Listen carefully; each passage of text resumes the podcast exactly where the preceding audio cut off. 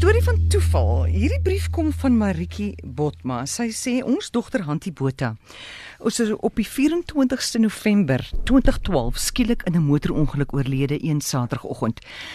Sy laat twee pragtige kinders na. Ons harte was so seer, maar luister gou vinnig na die volgende.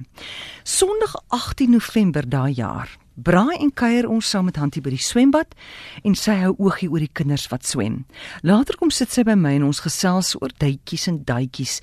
Die volgende oomblik neem sy my hand en sy sê: "Mamma, beloof my dat ma nou ophou gaan kommer oor alles en net doen wat vir ma regtig lekker is." Beloof my? En sy kyk my stip en ernstig in die oë. Ek beloof haar. 21 November daai jaar maak Hantie 'n afspraak met haar jongste suster Rikki. Saam drink hulle koffie en Hantie vra vir Rikki dat as sy sou doodgaan of Rikki asseblief haar geld sake sal hanteer en sy noem hoe sy haar geld belê wil hê sodat daar iets is vir haar kinders. Waarheen gaan jy? vra Rikki. Hantie sê nee, nêrens nie, maar ek moet weet dat hulle goed versorg sal wees. Donderdag 22 November kom sy vinnig na my werk by my huis aan en sy sê vandag drink ek en maak koffie. Ek noem dat ek nog haar gunsteling yskastert het. Dis die driehoektert. Saam eet ons stert en drink koffie en sy druk my twee keer. Wat sy nie gewoonlik doen nie in sy ry huis toe. Vrydag by die werk is sy doenig met die salarisse. Dis nou die 23ste.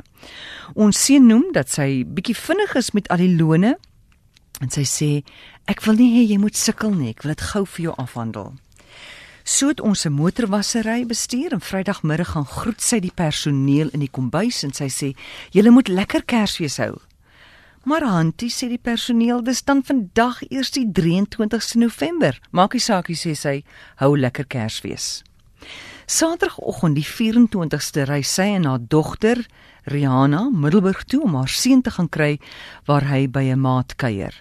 Op pad skaars so 20 km van die huis af het 'n vragmotor by 'n voertuig verbygegaan sonder om mooi te kyk en bots reg van voor met hulle. Antie is op slag dood en Rihanna het albei haar arms gebreek, maar verder ongeskonde. Ek het 4 kinders en die toeval wat die toeval nog interessanter maak is dat haar broer het heel eerste op die toneel op haar afgekom. Is hierdie alles nie toevallig nie?